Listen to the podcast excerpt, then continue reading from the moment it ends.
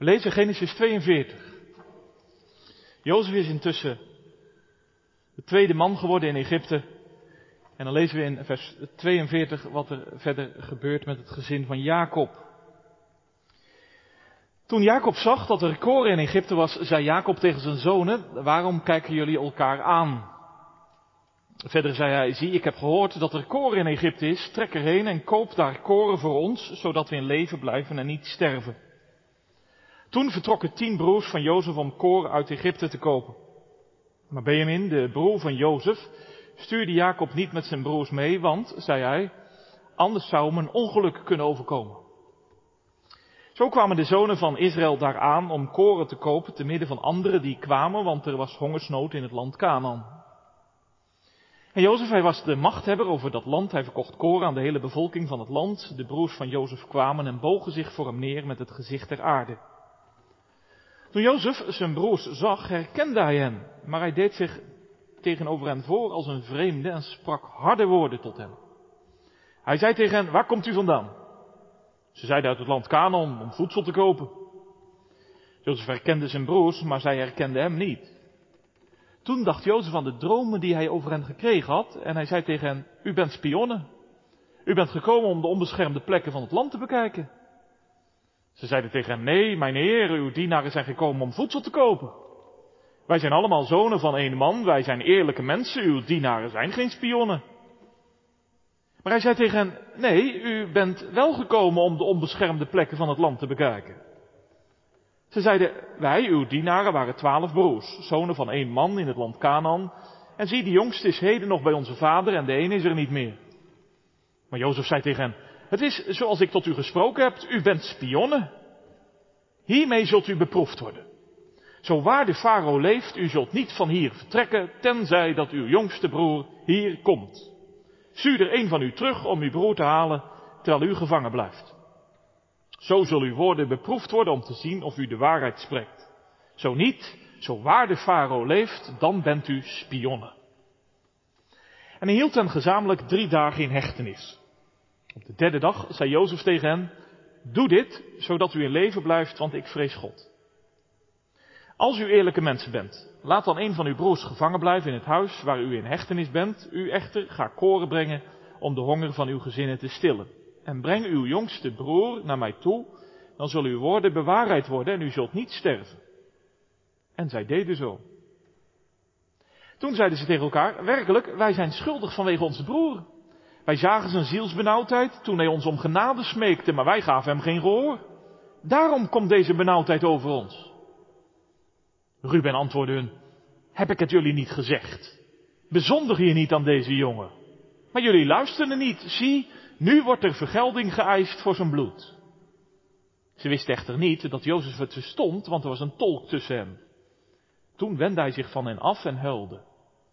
Daarna keerde hij naar hen terug en sprak met hen. Hij nam Simeon uit hun midden en liet hem voor hun ogen vastbinden. Jozef gaf opdracht hun zakken met koren te vullen, bij ieder het geld in zijn zak terug te leggen en hun proviand voor onderweg te geven. En zo deed men voor hen.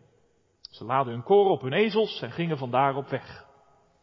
Toen een van hen zijn zak opendeed om in de herberg zijn ezel voer te geven, zag hij zijn geld. Zie, het lag boven in zijn zak. Hij zei tegen zijn broers, mijn geld is teruggelegd. Zie toch, het zit in mijn zak. Toen ontzonken de moed en bevend zeiden ze tegen elkaar, wat is dit dat God ons heeft aangedaan? En ze kwamen in het land Canaan bij hun vader Jacob en ze vertelden hem al wat hun overgekomen was. Die man, de heer van dat land, sprak harde woorden tegen ons en hield ons voor spionnen van het land. Maar wij zeiden tegen hem, wij zijn eerlijke mensen, wij zijn geen spionnen. Wij waren twaalf broers, zonen van onze vader. Eén is er niet meer en de jongste is heden nog bij onze vader in het land Canaan.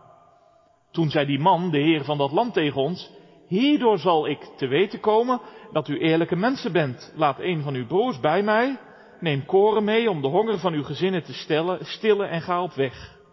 Breng uw jongste broer naar mij toe, dan zal ik weten dat u geen spionnen bent, maar eerlijke mensen.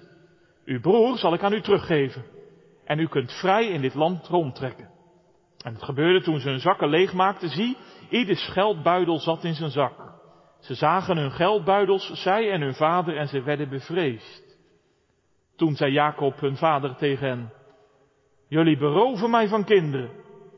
Jozef is er niet meer. Simeon is er niet meer. Nu willen jullie Benjamin ook nog meenemen. Al deze dingen zijn tegen mij. Toen zei Ruben tegen zijn vader, u mag mijn twee zonen doden als ik hem niet bij u terugbreng. Geef hem in mijn hand en ik zal hem bij u terugbrengen. Maar hij zei, mijn zoon zal niet met jullie meetrekken, want zijn broer is dood en alleen is overgebleven. Hij is overgebleven. Als hem een ongeluk overkomt op de weg die jullie gaan zullen, dan zullen jullie mijn grijze haar met verdriet in het graf laten neerdalen. Dit is het woord van God. Spits van de preek ligt in vers 28b. Toen ontzonken de moed en bevend zeiden ze tegen elkaar, wat is dit dat God ons heeft aangedaan? Slijten of slijpen. Gemeente, doophouders. Het was een jonge man. Ik sprak hem voor het eerst toen hij net veertig geworden was. Hij had het gemaakt in het leven. Een goede opleiding, mooie baan, vorstelijk inkomen, super gezin, alles liep, alles ging. Kon niet beter. Ik was zelf nog maar net dominee. Het was een vrolijk gesprek, herinner ik mij. Hij was blij, ik was vol goede moed. En aan het eind zei hij tegen me, nou, maak er wat van, hè. Alleen we zijn tien jaar verder, inmiddels is hij vijftig geworden. En ik sprak hem weer na lange tijd, het is allemaal anders. De mooie baan heeft hij nog steeds hoor. En het vorstelijke inkomen ook nog wel, maar zijn gezin. De een gelooft niet meer. De ander is met kwade kop het huis uitgegaan. Contact is haast onmogelijk. Het gesprek was veel minder vrolijk. Maar wel eerlijk. We waren dicht bij elkaars hart. We spraken over maakbaarheid en we vroegen door tot op God. Op zeker moment vroeg hij, zou God dit me dan aandoen? Want ik was ook zo bij de hand, ik dacht dat alles maakbaar was. Maar dat is het dus echt niet. Nou, dat is herkenbaar wellicht, uh, juist in deze tijd op het gebied van de gezondheidszorg, op het terrein van de economie of nog dichterbij in je eigen leven, in het eigen familieleven. Vandaag worden jullie kinderen gedoopt, Cato en Luc. Ze zullen vast gaan horen in hun leven, nou maak er wat van. Alleen gaandeweg, als het leven verder gaat, zo maakbaar is alles niet. Toch? Ook in Genesis 42 is alles veel minder maakbaar dan gedacht. Voor vader Jacob, voor de broers evenmin. En met dat woord maken zitten we direct in de kern. Het is het kernwoord van dit Bijbelboek. Het is een kernwoord in deze hoofdstukken. Maken, doen. In het Hebreeuws is dat hetzelfde woord. Maken, doen. Ja, Jozef heeft het intussen al een aantal keren gezegd. Hij heeft gezegd tegen de farao, God heeft aan de farao laten zien wat hij gaat doen, wat hij gaat maken. En hij had het ook nog een keer herhaald. God haast zich om dit te doen, om dit te maken. Alleen in Genesis 42 klinkt het allemaal anders. Nu is de taal uit de mond van de broers. Ze vragen zich angstig af, wat is dit wat God ons heeft aangedaan? Wat maakt Hij ons nu? Apart, hè? de eerste keer dat ze spreken over God. Het leek dat God niet in hun woordenboek voorkwam. Maar nu spreken ze van Hem uitgerekend op de terugreis van Egypte naar Canaan. Want vader Jacob had gezegd, wat zitten jullie elkaar nu aan te kijken? Daal af naar Egypte, daar is tenminste nog voedsel, anders sterven we van de honger. Ja, zo gaat het steeds in dit Bijbelboek. Staat ook in dat uh, kerkboekje een vraag over. Hè? Abraham komt in hongersnood terecht, hoofdstuk 12. Hij gaat naar Egypte. Isaac komt in een hongersnood terecht, hoofdstuk 26. Hij denkt naar Egypte te moeten gaan. En ook Jacob en zijn zonen komen in een hongersnood terecht. Jacob staat op, hij heeft de belofte bewaard aan Abraham, Isaac en Jacob gegeven. Hij heeft de woorden van Jozef bewaard en nu stuurt hij zijn zoons erop uit en hij zegt, daal af naar Egypte. Maar ja, dat liep anders. Ze dalen niet alleen af naar Egypte, maar ze dalen ook af in hun eigen leven. Ze zijn aan de tand gevoeld, drie dagen lang in de gevangenis opgesloten. beschuldigd van spionage tot drie keer toe in vers 9, vers 12, vers 14. En ze hebben geroepen, nee meneer, wij zijn geen spionnen, wij zijn eerlijke mensen. Al vijf keer klinkt dat woord eerlijk. Eerlijk, eerlijk, eerlijk. Maar ja, maar ja, dat uit hun mond te horen, ja, dat doet ook wel pijn aan je oren. Wij zijn eerlijke mensen. Geloof je het zelf? Meen je dat echt? Jullie eerlijk? Jullie eerlijk? Ja, Simeon moesten ze achterlaten. Hun eerlijkheid wordt getest, maar goed. Intussen zitten hun zakken vol, proviand voor onderweg, graan voor thuis. Voorlopig zullen ze niet van de hongersdood sterven. Alleen een van hen doet onderweg zijn graanzak open en hij schrikt zich naar. Er is geld bijgestopt. Ze begrijpen er niets van. Hun hart ging uit. Dat staat er letterlijk. Ze krijgen een hartverzakking. Ze staan te beven op hun benen. Zullen ze nu ook nog voor dieven worden aangezien? Angstig vragen ze aan elkaar. Wat is dit wat God ons heeft aangedaan? Ja, eindelijk spreken ze over God, toch? Het heeft lang geduurd, maar nu is het zover. Je zou zomaar medelijden krijgen, want het klinkt allemaal zo zielig. Wat doet God ons allemaal aan? Alleen is het echt zo zielig? Want dat woord doen, dat is in het Hebreeuws hetzelfde woord als maken. Begrijp je? Dan klinkt het al anders. Veel feller en onstuimiger. Angstig roepen ze, wat maakt God ons nu? Wat doet Hij ons aan? Waar is Hij mee bezig? Speelt Hij een spel met ons?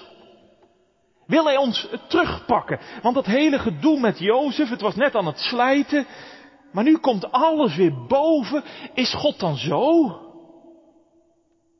Komt hij ons in deze gebeurtenissen tegen?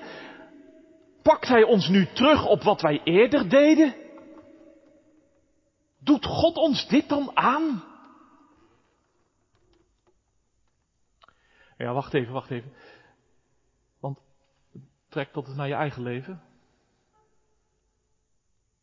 Zou dat kunnen? Dat God ons in de gebeurtenissen van het leven iets aandoet. Met ons doende is. Durven wij zulke vragen te stellen? Of hebben we God opgesloten in de hemel? Als een God die zich nergens mee inlaat, maar het gewoon een beetje aankijkt in ons leven zonder dat hij er echt iets doet.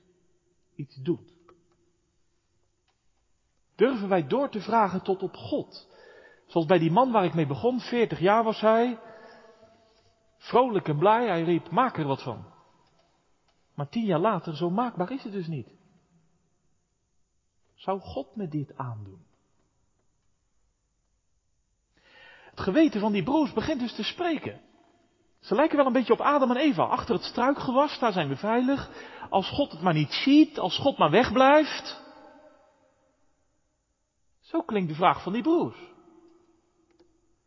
Het zit hen kennelijk niet lekker, hè? Dat hele gedoe met Jozef. Het was aardig aan het slijten, het leven ging verder. De jaren zijn verstreken, maar ineens is alles weer terug. Is God ons dan kwaadgezind? Wat maakt Hij ons nu? Alleen ook wel vreemd, want er is nog meer reden om die vraag om te draaien, toch? Wat hebben wij God aangedaan? Wat hebben wij ervan gemaakt? Neem de vorige hoofdstukken nog even in gedachten. Misschien weet je het, Ruben. Hij gaat slapen met de vrouw van zijn vader. De bijvrouw van zijn vader. Simeon en Levi, die, die mannen die genocide pleegden in Sichem. Juda, die hele affaire met Tamar. De ene zwarte bladzijde naar de andere. En vooral die ene bladzij Jozef. Jacob zag in hem de eersteling die oprijst. Hij kreeg een jas die dat zichtbaar maakte. Hij kreeg dromen die te denken gaven. Maar hij is gedumpt. Als cowboys zijn ze te werk gegaan. Een broer hebben ze haast gelincht. Eindelijk, uiteindelijk is hij nog verkocht. Ja, ze konden nog wat duit aan hun broer verdienen. Mooi meegenomen, dachten ze. de jaren zijn verstreken. De broederschap intussen verlogend, vader bedrogen. Zijn verdriet is immens, zijn haren grijs en zijn tranen niet te drogen. Ja, dat hebben zij ervan gemaakt. Wees eerlijk, van zo'n stelletje valt toch niks meer te maken. Denk je in, hè? Ik zat dit te lezen. Ik dacht, zo'n gezinsdrama, daar is toch niks meer aan te doen. Wat moet je hier nog van maken? Weet je wat God zou kunnen zeggen? Ik maak er een eind aan. Ja toch? Zo klonk het in Genesis 6. God zag de slechtheid van de mens. Hij zag hun gedachtenspinsels. Hij zag, staat er, wat ze ervan maakten. Hij kreeg berouw dat hij de mens gemaakt had. Genesis 6. God krijgt berouw dat hij de mens gemaakt heeft. En hij zegt, ik zal hem verdelgen. Zou terecht zijn dat God ook dat hier zou doen. Ja, stil stil heel stil. Dat is het allerdiepste van Genesis 42. Weet je wat hier gebeurt? De God van de Genesis is juist hier aan het maken. Hier? Ja, hier. Waar er niks meer van te maken valt. Waar de broederschap kapotgeslagen is, waar de honger Gods volk laat uitsterven, waar al de verbondsbeloften krachteloos geworden zijn, daar gaat de God van de Genesis maken. En hij kan het als geen ander. Want zo is hij begonnen in Genesis 1, hè? Dat weten zelfs de kinderen. De Heere maakte hemel en aarde. Scheppend is God bezig. Hij maakte gewassen, hij maakte bomen, hij maakte twee lichten. Hij maakte de mens om samen te leven, om tot lof en eer van Hem te zijn. Maar de mens, ja, wat maakte de mens er nou van? Al in Genesis 4, de broederschap wordt direct al kapot gemaakt. En God zegt, Kain, wat heb je gedaan? Wat maak je me nu? Ja, nu is het boek Genesis bijna uit, maar we zijn weer terug bij af. De broederschap is weer helemaal kapot gemaakt. Ja, God heeft in dit gedeelte eigenlijk alle reden om te roepen, wat doen jullie mij aan? Wat maken jullie me nu? Hier valt toch niks meer van te maken? Alleen uitgerekend dan doet God het. Hoe bestaat het? Genesis 6 wordt hier niet herhaald. Hij kreeg berouw dat hij de mens gemaakt had. Ik zal hen verdelgen. Nee. Want God heeft een woord gesproken. Hij heeft een belofte gegeven.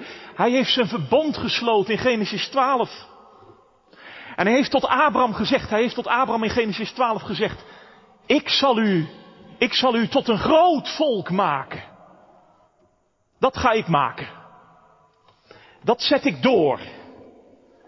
Scheppend zal ik handelen, dwars door alles heen, dwars door alles wat jullie ervan maken. Daar komt God niet van terug. Daar levert hij niet op in. Hij zet door, waar niets meer van te maken valt, daar maakt hij het. Ja, zeg je wat dan? Wat maakt God nou eigenlijk in Genesis 42? Dat is ook een vraag in dat kerkboekje. Wat maakt God dan in Genesis 42? Eerlijkheid en broederschap. Kun je wel opschrijven hè, op dat boekje. Eerlijkheid en broederschap. Dat is God hier aan het maken. Hoor je dat? Want dat is nu echt God zoals Hij is. Hij maakt. Psalm 133. Ziet hoe goed en hoe lieflijk het is dat broeders ook eensgezind samenwonen. Nee, het is waar, die broers die stellen God in een heel verkeerd daglicht. Ze denken dat God hen wil terugpakken. Dat God als een soort sadist hen in de tang neemt en zegt, nou, ik zal jullie krijgen, ik zal jullie nu terugpakken, want wat jullie allemaal hebben gedaan. Maar God denkt zo anders. Want dat wat ze Jozef hebben aangedaan, dat laat God niet slijten, maar hij is hen hier aan het slijpen. Tot wat? Tot eerlijke mensen. Kijk maar straks, hè, dat hele gesprek met Jacob. Ze denken dat ze hun oude vader nog een beetje kunnen sparen, maar gaandeweg moeten gewoon alle maskers af. Dat vond ik zo onthutsend van dit gedeelte. Alle maskers moeten gewoon in dat gezin van Jacob moeten eraf. Leugen na leugen wordt ontmaskerd. Dat is geen sadisme van God, dat is genade. Maar God slijpt aan hun leven. Die ruwe diamanten die ze waren, ze zullen glinsteren gaan van liefde. Van liefde, ja. De broederschap wordt nu gaandeweg geboren.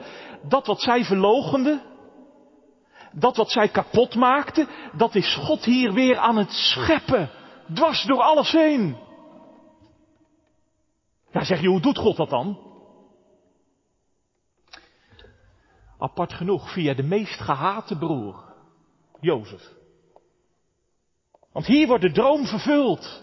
Tien broers buigen voor Jozef neer. Die broers die zien het nog niet, want ja, Jozef die spreekt intussen Egyptisch. Er moet een tolk aan te pas komen. Zijn baard is geschoren. De jaren zijn verstreken. Ze herkennen Jozef niet eens. Maar in al dat zoeken en tasten van Jozef is God die broers eerlijk aan het maken. En daar voor de troon van Jozef, daar wordt de eerste stap gezet op weg naar eerlijkheid, naar ware broederschap. Ja, die weg van eerlijkheid en broederschap, naar eerlijkheid en naar broederschap, dat is wel een weg van sterven. Van sterven, ja. God moet heel veel bij die broers wegslijpen. Heel veel. Dat is pijnlijk genoeg. Dat is heel pijnlijk hoor. God moet zoveel bij ze wegslijpen. Maar het getal twaalf is weer gevallen. Viel je het op? We waren met twaalf broers. Eén is nog thuis, de ander is er niet meer. Dat klopt. Twaalf broers waren jullie. En met die twaalf zal God een volk maken. Een volk dat werkelijk één is. Een groot volk. Een volk dat God in leven houdt. Een volk dat tot zegen zal zijn voor alle volkeren. Uitgerekend in Egypte zal dat volk geboren worden. In het land van dood en angst. Daar zal het ervan komen. Ziet hoe goed en hoe liefelijk het is dat broeders eensgezind samenwonen. Zodat ze zullen zeggen en erkennen. U hebt het gemaakt. U alleen. U helemaal. Gemeente doophouders. Zo komt God op deze zondag tot ons. Tot mensen die wellicht op dit moment denken. Zou God me dit dan allemaal aandoen? Wat maakt God me nu? Misschien herken je die vraag. De gebeurtenis in het leven, het stelt je voor vragen. En je vraagt maar en je vraagt maar tot op God. Alleen Genesis 42 leert om die vraag om te keren. Ja, bij het doopvond vanmorgen keert God die vraag om. Toch? Ik bedoel, in de doop klonk vanmorgen deze vraag. Dat doopwater dat vroeg. Wat maak ik er nou van? Wat doe ik God allemaal wel niet aan? Al aan het begin van het doopformulier klonk dat namelijk, hè? Zware woorden klonken, allerhande ellende. Aan de verdoemenis onderworpen. Ook Cato en Luc. Want wat maken wij nu als mensen klaar na Genesis 3? Ik bedoel, dat levensdoel wat God voor ogen staat, hè? In liefde leven tot de naaste. In lof en eer er zijn voor God. Wat maak ik daar nou van klaar? Ik was ook zo bij de hand. Ik dacht dat alles maakbaar was. Maar dat is het dus echt niet. Herken je dat? Ja, je kunt natuurlijk proberen om de boel in je leven weer vlot te trekken. Je kunt weer zelf aan het maken gaan. Hier wat bijschaven, daar wat bewerken. De moderne mens is er zo druk mee. Ook de moderne kerkmens. Alleen daarmee red ik het niet. Want de chaos in mijn leven werk ik er niet mee weg. En de duisternis wordt er geen licht van. Nee, gemeente, vandaag zijn wij in de kerk. Hier met de familieleden, met de kerkraad. En u thuis. En hier klinkt het evangelie. Bij je doopvond klonk het tot Cato en tot Luc. God maakt. God maakt. Waar er niks meer van ons leven te maken valt. Waar al onze maakbaarheid vastloopt. Daar zet God geen punt. Daar pakt Hij ons niet terug. Dan zegt Hij niet, nou dan maak ik er maar een eind aan. Ik zal hen verdelgen. Nee, het doopwater sprak vanmorgen van Gods verbond. En God zei midden in Ede, daar wil ik niet vanaf. Daar wil ik niet vanaf. Ik zet door. En God zegt vanmorgen tot twee verbondskinderen, tot, tot Cato en tot Luc. Ja, je zegt tegen de hele verbondsgemeente, ik zal maken. Ik zal scheppen in je leven, daar waar er niks meer van je te maken valt. Weet je hoe? Via die ene, Jezus Christus, die zich liet verdelgen in mijn plaats. Die zo gehaat werd, zo vernederd, tot aan het kruis, tot in het graf. Hij gaf zijn bloed, het bloed van het nieuwe verbond. Hij vergoot het voor velen, zodat God vandaag in deze doopdienst in hem tot kinderen van het verbond zegt, Cato en Luc, ik zal maken. Ik zal scheppen in je leven. Waar er niks meer van je leven te maken valt. Gemeente, zeg eens eerlijk, hier en in de kerk, zeg eens eerlijk. Die God van Genesis 42, moet je eerlijk zeggen, ook de jongeren die meeluisteren en hier, moet je eerlijk zeggen. Deze God, dat is toch een God om lief te hebben. Deze God, dat is toch een God om je aan toe te vertrouwen. Ja, ik weet het, velen zijn voor deze God op de vlucht. Misschien jij wel. Je verbergt je achter de struiken van je eigen ellende en narigheid. Achter de struiken misschien wel van eigen leugens en oneerlijkheid. Velen gaan er in het leven zelf wat van maken. Ook binnen de verbondsgemeente. Alleen zie nou toch. Hoor nou vanmorgen wie God is. Hij maakt in ons leven waar er niks meer van te maken valt. Via die ene Jezus Christus. Hij zond twaalf discipelen deze wereld in. Onder Israël en de volkeren. Tot in Ede toe. Gemeente, ik zou zeggen, val hier nu voor. Geef je restloos aan deze God vanmorgen over. Want ik mag vanmorgen zeggen, wie zich overgeeft aan deze God, hier en in uw huizen, als u zich overgeeft aan deze God, dan zegt Hij tegen u, ik zal via Jezus Christus maken met je leven. Dat van je leven maken wat het niet was. Dat is toch een God om lief te hebben. Deze God, dat is nou echt een God om te vertrouwen. Die in Christus ons leven herscheppen wil. Ja, dat moet ik er wel bij zeggen. Die weg naar de nieuwe schepping, in het leven van Cato en Luc, in mijn leven, dat is wel een weg van sterven. Ik bedoel sterven aan jezelf. Dat is pijnlijk hoor. Dat de maskers in je leven af moeten voor God en je naaste. Dat je achter het struikgewas vandaan moet komen. Steeds opnieuw.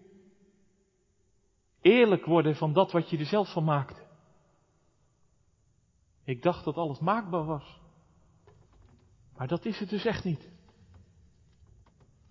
Alleen die weg van sterven, die weg van eerlijk worden en die weg waarin de maskers van mijn leven afgaan. Moet je goed onthouden, dat is geen weg van vloek hoor. Dat is geen vloek. Dat is juist zegen. Van eerlijk worden naar jezelf en naar God. Want in die weg van sterven is God aan het maken. En weet je wat hij ervan maakt? Eén volk. Eén verbondsvolk onder Israël en de volkeren.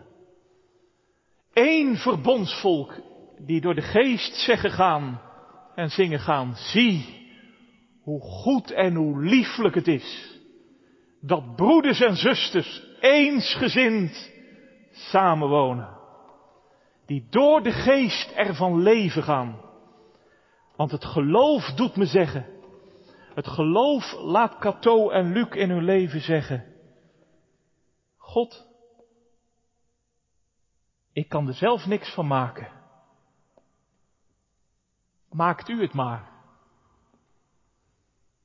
Slijt mij tot wat het zijn moet. Ook als dat soms zo'n pijn doet. Zegt u dat vanmorgen mee? Misschien wel gemeenteleden die zeggen, ja, ik, ik herken me wel in dat hele gezin en dat hele gebeuren. En ik zit op een punt in mijn leven dat ik denk, ja, dat is nou net, uh, ja.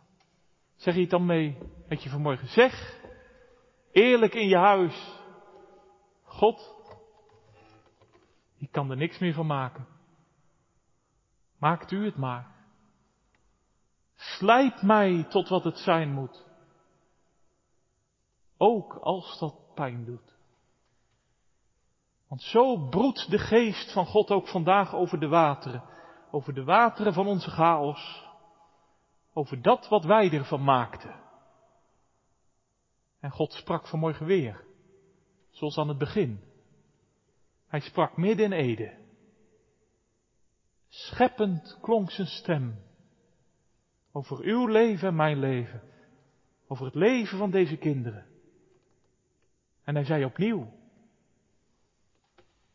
Laat er licht zijn. En er was licht. En God zag dat het goed was. Amen.